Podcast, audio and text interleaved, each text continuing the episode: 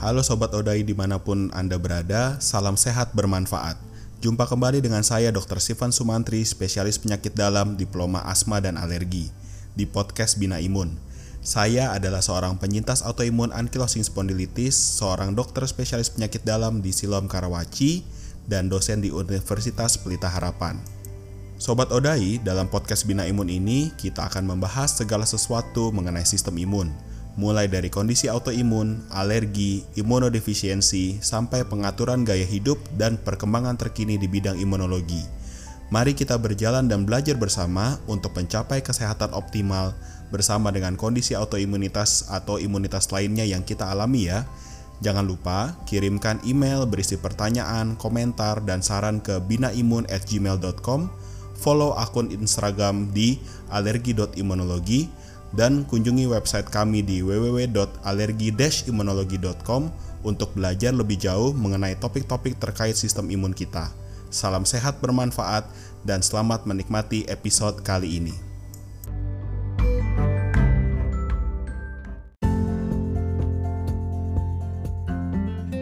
Oke, uh, kita mulai dari Bu Tita. Yuk Bu Tita, silahkan Bu Tita. Ada pertanyaan apa Ibu? Ya, terima kasih dok. Uh, yang pertama uh, dari penjelasan yang dokter sampaikan tadi adalah uh, kita bagaimana kita tahu bahwa kita sensitif terhadap makanan tertentu. Kayak tadi kan misalnya gluten nggak mungkin memang masih uh, apa penelitian lah gluten itu bisa. Tapi uh, biasanya kita pas sudah dapat ini nih semua kita stop gitu. LDHS tuh yang apa 4P apa 5P sama plus gluten itu semua kita stop. Nah, tapi kita nggak tahu nih tiba-tiba kita merasakan entah badan kita lemes terus uh, apa ada sakit gitu kita kumat. Nah itu terhadap makanan tertentu. Cuma kita nggak tahu ini apa gitu yang dari makanan yang mana. Nah yang pertama itu kita tahunya dari mana makanan itu. Terus yang kedua tadi kan ada daftar uh, kenapa timbulnya AI itu bisa dipengaruhi oleh faktor kurangnya kiodin uh, selenium seperti itu dok ya misalnya. Nah saya perhatikan kalau saya ini kan saya ada hipotiroid juga. Kemudian saya makan suplemen, terus saya lihat sih kayaknya ada suplemen yang ada kandungan selenium gitu. Nah, saya makan itu, malah saya ber, justru ber ini uh, kayaknya sensitif itu. Saya malah keluar keringat, terus panas, sakit, macam-macam lah keluhannya. Nah, padahal seingat saya kayaknya mungkin tiroid itu efeknya juga kekurangan itu sepertinya ya dok ya. Nah, itu gimana tuh dok uh, ini? kasih dok. Baik Bu Tita, uh, terima kasih atas pertanyaannya. Nah, uh, kita mulai dari yang pertama dulu ya. Bagaimana caranya kita tahu kita sensitif sama salah satu komponen makanan. Nah, Bu Tita itu memang uh, sulit untuk kita tahu kita sensitif terhadap komponen makanan apa. Nah, makanya uh, di dalam uh, LDHS atau ada juga yang namanya autoimun protokol itu yang kita lakukan pertama kali kita adalah eliminasi dulu semuanya. Jadi uh, kalau di LDHS kita nggak seketat uh, ada yang namanya autoimun protokol. Kalau kita ikut autoimun protokol tuh benar-benar semuanya dieliminasi bahkan sampai bingung mau makan apa. Nah tapi uh, kita sudah melihat bahwa uh, ada beberapa komponen yang paling signifikan yang sering menyebabkan terjadinya autoimunitas menjadi kambuh yaitu satu gluten yang asalnya dari gandum ya, baik tepung terigu maupun turunannya. Kemudian uh, bisa juga yang 5P, pengawet, penyedap rasa, uh, pewarna makanan. Uh, intinya adalah bahan kimia dalam makanan. Uh, kemudian uh, gula, produk susu, uh, itu adalah yang utama. Nah, biasanya kalau misalnya kawan-kawan dengan autoimun yang biasa berobat ke saya, saya minta pantang itu dulu. Kalau misalnya kondisinya membaik, nggak ada masalah. Baru setelah itu, begitu kondisinya remisi, kita mulai kita coba satu-satu. Misalnya, kamu maunya apa? Oh, saya uh, suka uh, minum susu dok. Ya udah kita coba. Begitu dia sudah nggak ada keluhan, kita tes nih dengan susu dia ada masalah atau enggak. Kalau misalnya dengan susu kemudian gejalanya jadi muncul, oke okay, berarti pencetusnya susu. Nah itu artinya seumur hidup ya berarti produk susu tidak boleh digunakan gitu bu. Nah kalau misalnya uh, dengan yang umum yang yang sering itu uh, sudah kita pantang tapi pasiennya masih muncul keluhannya, nah berarti uh, kita mesti mulai mencari uh, pencetus-pencetus yang lebih jarang. Ada orang yang pencetusnya adalah uh, golongan terong-terongan seperti tomat, terong, paprika dan lain sebagainya. Ada juga yang pencetusnya adalah uh, golongan kentang-kentangan. Ada juga yang pencetusnya uh, cabai-cabean. Ada juga yang pencetusnya macam-macam bu. Jadi memang biasanya uh, pada saat kita ketemu yang susah, yang kita lakukan uh, bisa juga kalau misalnya memungkinkan itu dipandu sama pemeriksaan yang namanya uh, IgG food sensitivity itu biasanya lumayan tuh. Jadi kita bisa, tapi harganya juga lumayan bu. Jadi uh, biasanya kalau misalnya pasiennya sabar, saya lebih suka kita bareng-bareng uh, satu-satu kita coba eliminasi. Biasanya sih kita eliminasi banyak dulu intinya. Jadi uh, kita eliminasi banyak, begitu kondisinya baik, kita mulai satu-satu makanan yang uh, awalnya sudah dieliminasi mulai dari kemauan pasien dulu maunya apa yang makanan yang dia paling suka Mudah-mudahan jelas ya Bu Tita ya. Tapi intinya sih memang komunikasi dengan uh, dengan dokternya ya. Nah, kemudian yang kedua soal masalah defisiensi, yodium itu memang bisa menyebabkan terjadinya uh, gangguan tiroid ya. Yang kita tahu zaman dulu kan ada yang namanya gondongan ya. itu disebabkan karena defisiensi yodium. Uh, selenium uh, sebenarnya merupakan salah satu mineral yang penting untuk uh, fungsi imunitas tubuh Nah, selenium ini sebenarnya berguna kalau pada individu yang autoimunnya muncul karena uh, kekurangan daya tahan tubuh yang itu hanya sekitar 20% dari pasien yang menderita autoimun. Sedangkan sebagian besar uh, penyintas autoimun itu uh, muncul autoimunitasnya itu karena reaksi apa sistem imunnya terlalu sensitif. Jadi tentunya nggak uh, semuanya membutuhkan suplementasi dalam bentuk selenium Nah, kalau Bu Tita uh, mengkonsumsi suplemen yang ada kandungannya itu, uh, sebenarnya kemungkinannya bisa dua, Bu. Satu, ibu sensitif sama selenium bisa, atau uh, komponen uh, vitamin mineral yang ada di dalamnya, yang suplemen yang ibu konsumsi. Bisa juga ibu sensitifnya adalah sama bahan yang dipakai untuk uh, membuat si suplemen tersebut. Apakah gelatinnya kalau dalam bentuk soft kapsul ya kan atau bahan campurannya gitu ya. Jadi kalau misalnya ibu ragu kadangkala kita minta pasien coba untuk uh, mengkonsumsi suplemen yang merek lain dengan bahan pembuat yang berbeda atau dalam bentuk yang berbeda. Kalau sebelumnya nggak bisa pakai kapsul, ya kan mungkin sensitif gelatin nih. Kita coba kita ganti dengan uh, yang dalam bentuknya drop misalnya dalam bentuk sirup gitu.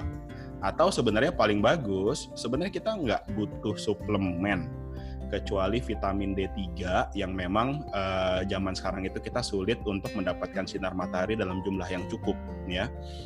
Uh, yang uh, suplemen sebagian besar itu kalau diet kita itu jelek sekali sehingga kita nggak mencukupi uh, kecukupan dari makanan kita dari sayur-sayuran dan buah-buahan dan lain sebagainya gitu. Uh, mudah-mudahan jelas ya Bu ya.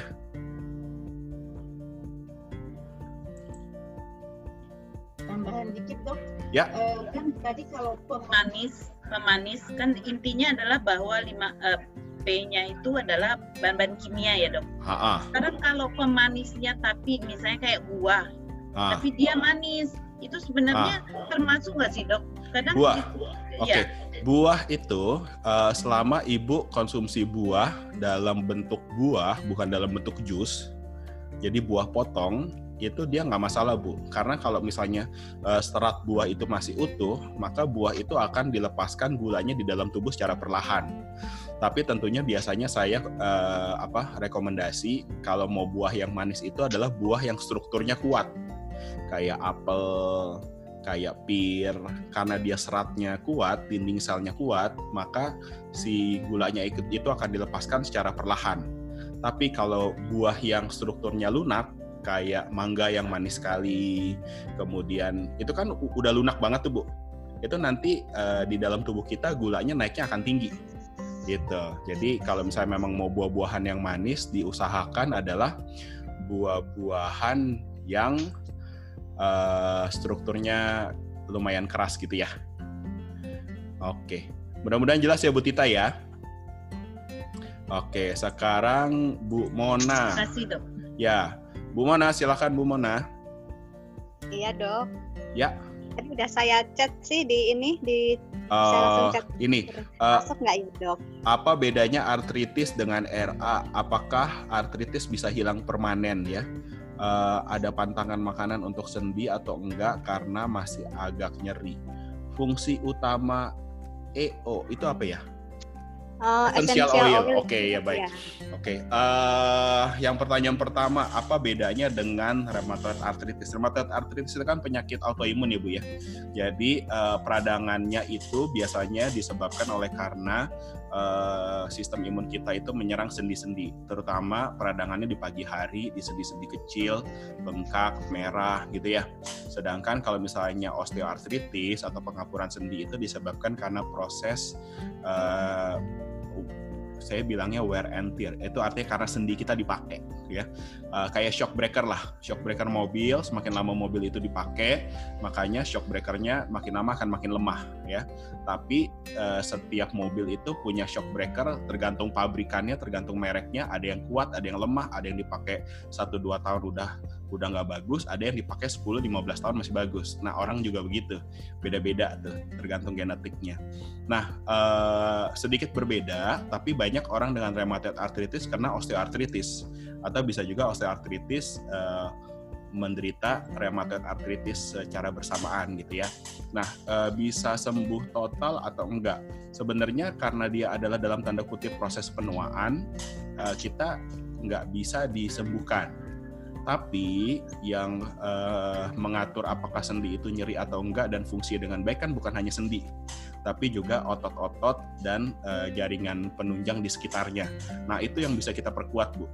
Jadi uh, dengan kita olahraga yang memperkuat sendi seperti yoga, pilates, berenang gitu ya, itu maka struktur di sekitar sendi itu akan semakin kuat dengan struktur di sekitar sendi makin kuat, maka uh, karena ditopang rame-rame, uh, sendinya lumayan terbantu sehingga biasanya nyerinya dan uh, tingkat gerakannya bisa dikembalikan. Satu, yang kedua uh, bebannya nggak boleh berat-berat. Uh, kalau misalnya kita berlebihan berat badan, memang berat badannya harus diturunkan, ya kan? Ya samalah kayak mobil ya, kalau shock breakernya udah jelek, jangan bawa uh, eh, 12 orang dalam satu mobil ya dikurangi orangnya gitu sehingga dia fungsinya akan lebih baik. Nah, kalau misalnya memang uh, cairannya sudah kurang sekali, nyerinya hebat sekali, ada beberapa tindakan yang bisa dipertimbangkan seperti penyuntikan cairan sendi ya yang sering dilakukan sama dokter ortopedi atau konsultan reumatologi. Bisa juga kalau sudah hebat sekali, parah sekali, biasanya dilakukan penggantian sendi sendi panggul sama sendi lutut itu biasanya sering dilakukan sama ortopedi. Dan hasilnya juga biasanya bagus uh, nyeri bisa hilang mobilitas juga bisa kembali dengan normal. Tapi mayoritas orang sebagian besar dengan penurunan berat badan dan dengan olahraga uh, osteoartritis uh, minimal nyerinya bisa berkurang dan fungsinya bisa dikembalikan. Mudah-mudahan jelas ya Bu Mana ya Makanan, pantangan makan, tidak ada pantangan makan yang khusus. Kalau kita sudah mengikuti pola LDHS, tentunya nggak ada masalah sih sama makanan-makanan apa yang harus dipantang atau tidak gitu ya. Nah, kemudian kalau untuk essential oil terus terang saya bukan ahlinya mengenai essential oil. Tapi pada prinsipnya gini, Bu. Uh, obat-obatan banyak yang asalnya adalah dari ekstrak tumbuh-tumbuhan ya Uh, seperti kalau sekarang kan yang ngetren hidroksikloroquine ya. Hidroksikloroquine itu awalnya dari mana sih orang bikinnya? Dari ekstrak pohon kina, dibikin jadi apa? Jadi essential oil juga. waktu itu, ya kan? Nah setelah itu diketemukan zat aktifnya apa? Oh ternyata adalah uh, kina, dari kina diturunkan jadi kloroquine, dari kloroquine diturunkan jadi hidroksikloroquine. Oke, okay? nah jadi apakah essential oil bisa bermanfaat untuk autoimun?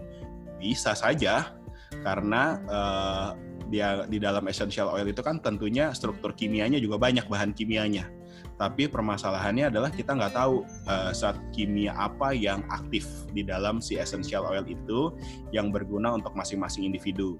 Kalau misalnya ibu merasakan ada manfaatnya dengan essential oil, uh, saya rasa itu nggak ada masalah sih sebenarnya. Tapi apakah itu uh, komponen penting dalam pengobatan?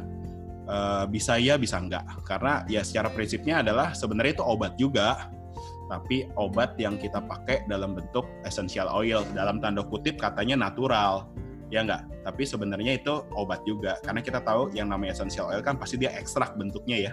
Itu artinya uh, senyawa dari dalam tumbuhan tersebut itu dibuat ekstrak dalam konsentrasi yang tinggi sehingga ada juga orang yang mengalami efek samping karena essential oil juga ada kalau kita pakai berlebihan sama seperti obat-obatan.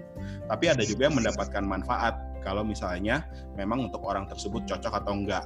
Cuman permasalahannya karena kita nggak tahu komposisinya apa saja, sehingga nggak bisa nih kita bilang, oh kalau sakit kepala kita makan paracetamol itu memang obatnya. Tapi kita nggak bisa bilang orang dengan uh, apa autoimun tertentu essential oil ini yang cocok gitu karena kita nggak tahu uh, isinya apa aja gitu ya biasanya akhirnya trial dan error tapi ya kita nggak nggak nggak melarang penggunaan essential oil kalau misalnya memang uh, pasien merasa cocok dan merasakan ada manfaat. Oh, okay. Ya, mudah-mudahan jelas ya Bu.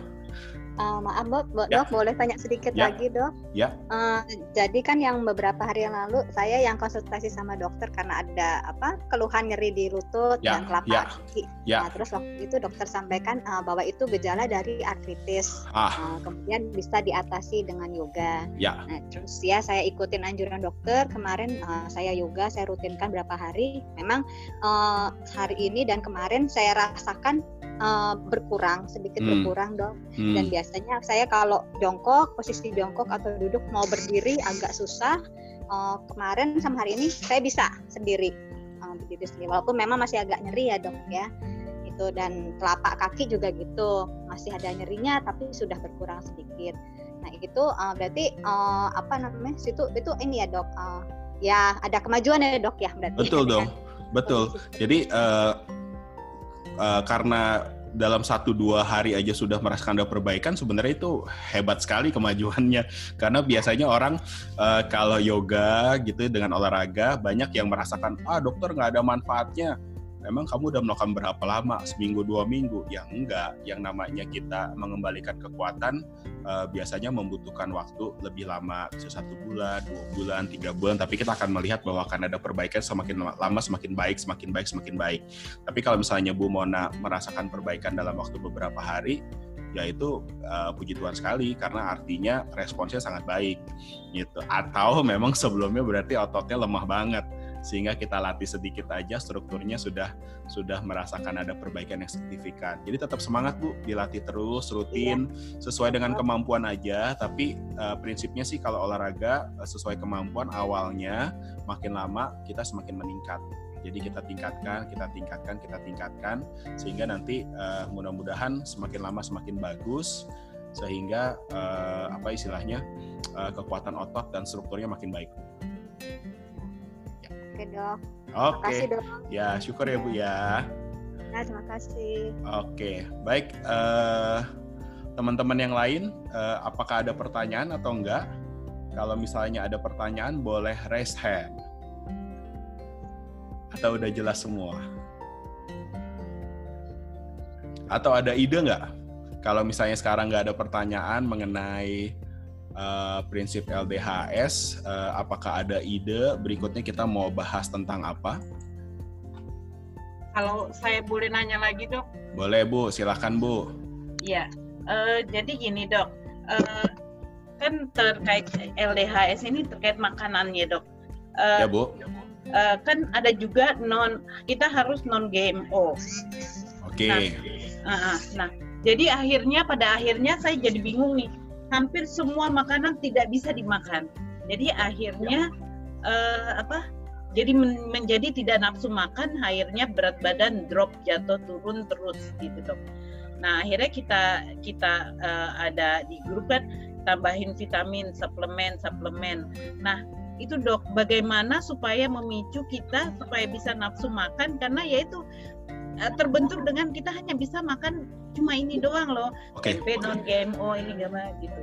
Ya Bu, jadi uh, sebenarnya saya harus meluruskan uh, ada beberapa hal nih mengenai GMO ya, uh, karena uh, kalau misalnya kita salah mengerti, kemudian nanti yang terjadi adalah ya seperti yang Bu Tita bilang kita jadi nggak bisa makan apa-apa uh, saya luruskan dulu nih beberapa hal yang harus di, dipahami, dimengerti mengenai GMO. GMO itu singkatannya adalah uh, genetically modified organism atau pangan rekayasa genetik, ya. Nah, uh, secara secara prinsip rekayasa genetik itu sebenarnya tidak berbahaya karena kalau kita tahu, semua makanan yang kita makan saat ini dalam tanda kutip walaupun alami, itu sebenarnya sudah mengalami rekayasa genetik. Apakah dengan persilangan, apakah dengan pencangkokan, apakah dengan segala macam, ya. Jadi itu pasti sudah mengalami rekayasa genetik. Cuman yang jadi masalah, yang menjadi kasus adalah rekayasa genetik yang dilakukan uh, oleh salah satu uh, bukan salah satu sih oleh beberapa perusahaan multinasional mungkin ibu sudah pernah dengar uh, seperti yang namanya Monsanto dan lain sebagainya, itu mereka merekayasa uh, bahan pangan, terutama ada dua nih, kedelai sama jagung, ya. Kedelai sama jagung direkayasa untuk tahan terhadap pestisida dosis tinggi. Ya, jadi mereka merekayasa tujuannya bukan supaya bahan pangannya lebih sehat, lebih bagus, lebih bergizi dan lain sebagainya, tapi direkayasa tujuannya adalah untuk supaya tahan terhadap pestisida. Nah, karena dia tahan terhadap pestisida dosis tinggi, kalau misalnya Bapak Ibu lihat, itu yang mereka lakukan tuh nyiram pestisida itu eh, bukan menyemprot, tapi menyiramkan pestisida tuh, ya, sehingga di dalam uh, makanan tersebut, dalam bahan pangan tersebut, konsentrasi pestisidanya sangat tinggi. Nah, pestisidanya ini yang jadi racun. Jadi bukan eh, dalam tanda kutip bukan bahan pangannya sendiri yang secara apa istilahnya secara aslinya mengalami bisa bikin segala macam uh, kanker lah, autoimun uh, dan lain sebagainya, tapi adalah pestisida yang ada di dalam kandungannya itu, ya. Sehingga uh, kalau uh, bahan makanan yang lain uh, kan ada tuh misalnya ke apa yang harus diwaspadai itu sebenarnya hanya dua sih kedelai yang dibikinnya import dari Amerika dan jagung yang uh, import dari Amerika. Itu dua itu. Karena kalau kita lihat di Amerika itu memang uh, apa peningkatan kasus autoimun itu sangat banyak kanker juga sangat banyak. Itu salah satunya memang dikaitkan kan uh, kayak jagung itu kan bukan hanya dipakai untuk uh, bahan pangan, tapi kan juga untuk ini ya high fructose corn syrup yang dipakai untuk berbagai macam uh, tambahan pada pemanis seperti pada soda atau minuman-minuman makanan lain gitu. Nah itu yang yang yang jadi berbahaya tuh. Nah tapi kalau misalnya uh, produk lokal, kedelai lokal, jagung lokal, saya rasa nggak ada masalah ya. Cuman tinggal uh, memang agak sulitnya adalah bagaimana caranya kita tahu tempe, tahu uh, yang kita beli itu pakai kedelainya kedelai import atau kedelai lokal gitu ya itu itu yang agak susah. Nah biasanya uh, solusi yang paling kita sarankan adalah uh, apa ber, kan ada banyak tuh kawan-kawan kita yang bikin sendiri tuh tempe sama tahunya atau misalnya kita kita kenal sama orang yang buatnya atau kita coba buat sendiri gitu itu itu sih yang paling aman. Tapi kalau misalnya ibu tanya kalau dokter sendiri bagaimana? Kalau saya eh, tempe tahu saya masih eh, agak cuek sih. Eh, agak susah juga itu ya Uh, yang yang yang ya, yang paling jelas uh, kalau buat saya pribadi pencetus utama saya adalah gluten sama gula. Jadi itu yang yang yang saya usahakan untuk saya hindari uh, se, semaksimal mungkin. Tapi uh, tempe tahu ya tapi kan kita juga nggak makan tempe tahu uh, setiap hari gitu ya. Kan kita ada variasinya gitu kan. Uh, kalau kalau kalau jawaban gampang sih ya harus dihindarin. Tapi kan dalam hidup kan tentunya nggak gampang ya Bu Tita ya.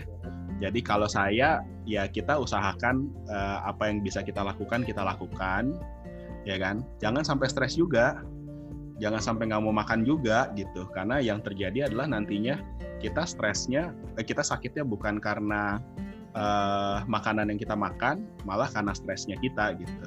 Jadi ya kita coba aja seoptimal mungkin uh, lima dasar hidup sehat itu yang mana yang bisa yang bisa kita lakukan, yang mana yang bisa kita optimalkan gitu. Gitu bu, jangan terlalu distresin bu. Ya bu. Oke, mudah-mudahan jelas ya Bu Tita ya. Ya.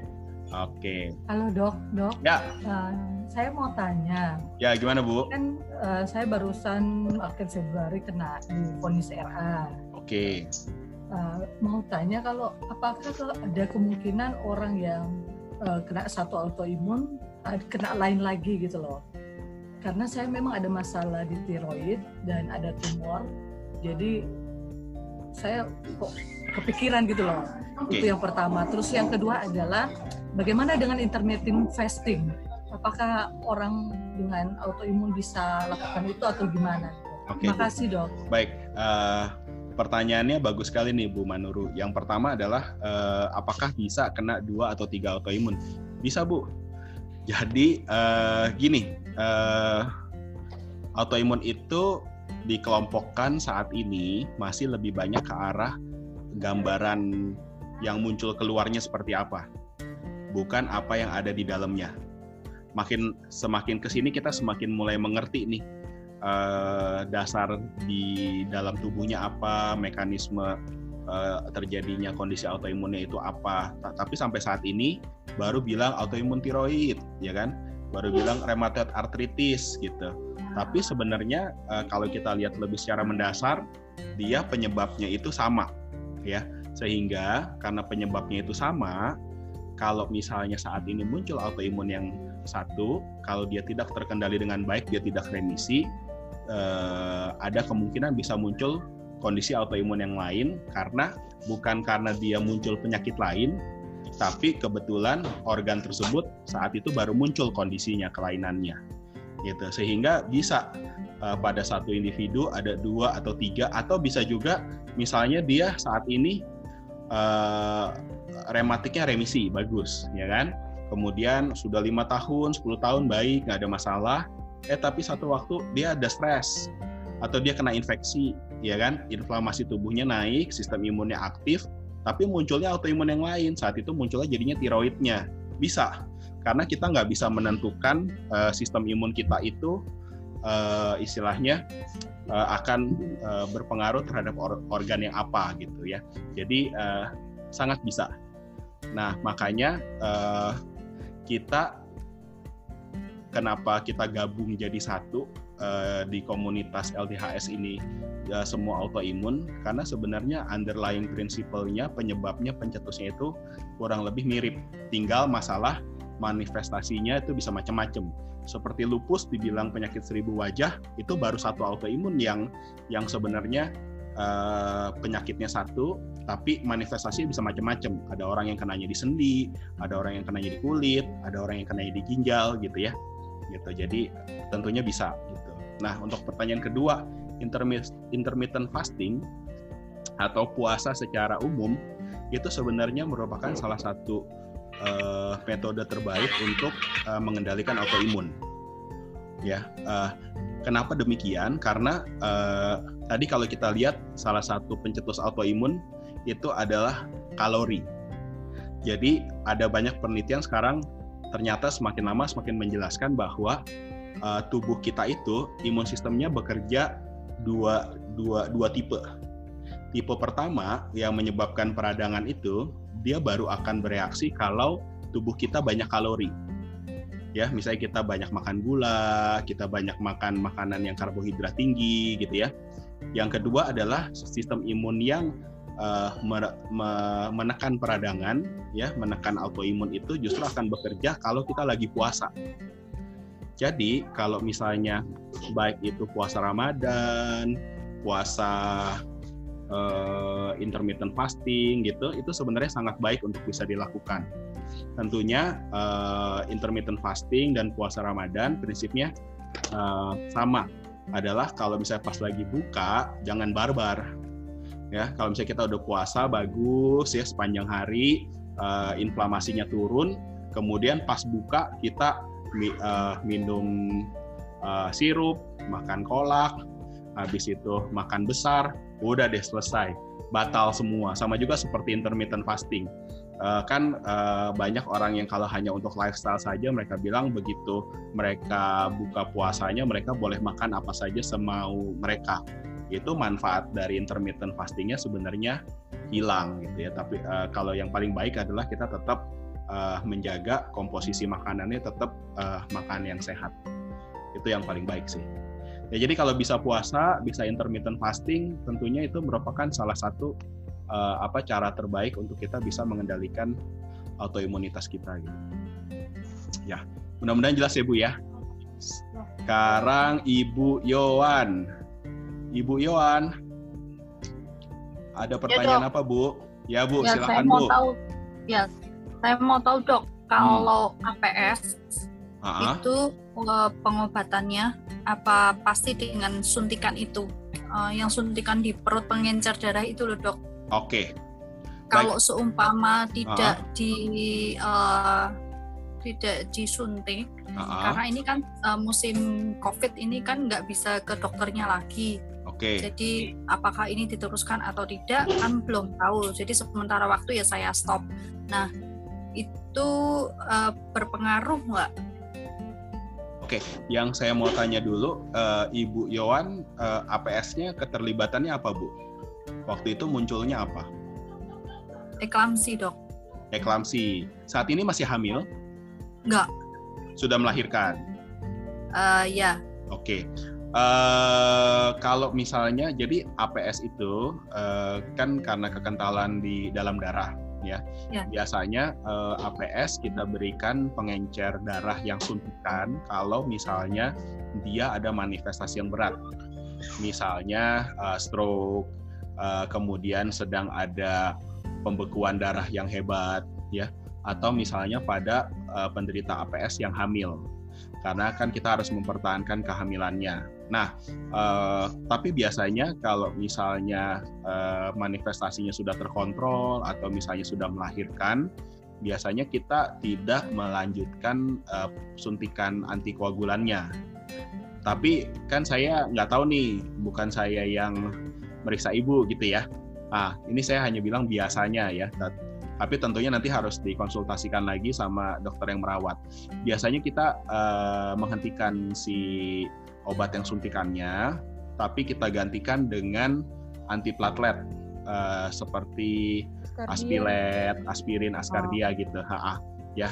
Tapi uh, mesti dikonsultasikan karena bisa jadi jangan-jangan waktu itu dari dokternya ada uh, masalah lain, bukan hanya kehamilan. Makanya Bu Yohan dikasih uh, antikoagulan dalam bentuk yang singkatan eh suntikan gitu ya. Jelas nggak Bu? Ya. ya dok. Oke, sip. Baik. Makasih ya dok. Oke, sama-sama. Waktu kita sisa lima menit, ada yang mau bertanya lagi? Enggak, kalau nggak ada. Oh ini nih, Dita, Dita. Ya, gimana Dit? Iya dok, halo ya. dok. Uh, jadi kan Apa kabar Dita? Baik, puji Tuhan. Oke, gimana uh, Dit? Waktu itu saya sempat cerita yang uh, saya sempat inflamasi itu ya dok, yang uh -huh. saya kira ke dokter dan tes lagi. Cuman kemarin tuh waktu saya datang bulan sempat uh, nyeri hati sempat agak uh, ya lumayan parah lagi gitu kan. Okay. Nah akhirnya karena saya nggak bisa ke dokter juga, uh, uh -huh. teman saya kemarin kasih brand Buscopan. Apakah APCT itu aman dikonsumsi untuk penyintas autoimun? Lalu habis itu saya uh, iya dia buskop. Kemarin saya dikasih buskopan sama Feminax sih dok. Apakah itu okay. aman? Okay. Untuk dikonsumsi oleh penyintas autoimun. Okay. Lalu yang kedua itu apakah itu juga pengaruh? Jadi saya uh, udah dua uh, hampir dua bulan ini nggak minum vitamin D karena kesulitan cari. Hmm. Jadi karena di vitamin D3 itu saya cari di uh, Century Guardian itu katanya udah discontinue yang nggak masuk lagi ke Indonesia sih juga nggak tahu uh, dan mau ke rumah sakit juga lagi susah. Jadi saya lagi nggak konsumsi vitamin D3 itu juga. Apakah itu juga pengaruh dari situ? Kita aja sih dok simple question. Thank you okay. dokter. Yuk. Uh, secara umum sih kecuali kamu punya alergi terhadap paracetamol atau buscopan uh, itu aman sih dan yang paling penting kan uh, sebenarnya adalah itu hanya diminum sementara kalau misalnya pas lagi ada keluhan ya. Kalau misalnya keluhan itu terus berulang sebenarnya kita harus evaluasi juga tuh. Jangan-jangan premenstrual kamu itu disebabkan oleh karena kondisi-kondisi uh, seperti endometriosis dan lain sebagainya yang ternyata ada kaitannya juga dengan autoimunitas. Itu yang pertama ya. Tapi intinya aman lah ya. Yang kedua vitamin D. Kalau misalnya susah uh, Japri aja nanti saya kasih tahu kontaknya. Itu Guardian sama Century-nya bohong itu. Uh, kita okay. kita ada ada vitamin D yang sudah lolos BPOM ya. Jadi harusnya sih uh, Nature's Plus namanya. Itu setahu saya sampai saat ini baru si Nature's Plus yang lolos BPOM dan gluten free. Jadi nanti uh, Dita boleh japri saya nanti. Ah iya, saya kemarin kasih kontaknya. Oke, okay. saya kemarin nyarinya Nature Nature Nature Plus juga dok, cuman ah. katanya itu discontinue di situ. Ya. Oke. Okay. Oke, okay, thank you dok. Yuk, sama-sama. Oke, okay. ya. Uh, waktu kita tinggal dua menit, saya coba lihat di chat ya. Uh, di chat itu beda autoimun skleroderma dan vitiligo uh, sebenarnya beda sih kalau misalnya skleroderma itu kulitnya kaku ya. Sedangkan kalau vitiligo muncul keputihan. Tapi ada juga memang skleroderma awalnya putih-putih munculnya putih-putih bercak-bercak juga ya. Nah itu bedanya adalah kalau vitiligo biasanya mulainya dari ujung-ujung ya. Sedangkan kalau skleroderma mulainya dari tengah-tengah. Gambarannya kalau skleroderma itu kayak bintik-bintik garam ya. Sedangkan kalau vitiligo biasanya dia menyebar menjadi satu ya. Oke. Nah, kemudian Masih boleh nanya nggak, Dok? Oke, tunggu tunggu sebentar. Ini uh, sebentar sebentar ya. Jadi ini kayaknya waktunya tinggal sebentar lagi. Uh, yang di chat sebentar ya. Oh, sebenarnya tadi kalau pencetus makanan sudah dijelaskan di awal, jadi mungkin nanti Bu Eka bisa uh, dengarkan penjelasan saya nanti kita upload di YouTube jadi uh, bisa ditonton ulang ya Bu Eka ya. Kemudian Gusta Nadiuska, keluarganya empat penderita AI. Dilarang vitamin B kompleks dan omega 3 atau tergantung kasusnya. B kompleks omega 3 sebenarnya pada prinsip tidak ada masalah untuk penyintas autoimun, cuman memang nanti masalah sediaannya memang harus hati-hati. Kadang-kadang ada orang yang sensitif terhadap uh, masalah-masalah uh, apa komposisi dari suplemen itu ya yang bisa bisa bermasalah ya. Dan kemudian apakah rheumatoid arthritis boleh dibiarkan tanpa pengobatan? Rheumatoid arthritis secara prinsip harus diobati karena permasalahannya rheumatoid arthritis bisa menyebabkan kecacatan dalam jangka waktu panjang ya. Oke, okay, uh, eh, vaskulitis, uh, vaskulitis ke alergi imunologi ya. Uh, nanti gini, kalau misalnya ada yang belum terjawab karena kita sebentar lagi, boleh email ya ke binaimun@gmail.com. Nanti saya coba buatkan jawabannya dalam bentuk episode podcast ya. Uh, at uh, binaimun@gmail.com ya. Kita jumpa lagi minggu depan ya. Oke, semoga sehat selalu ya. Thank you.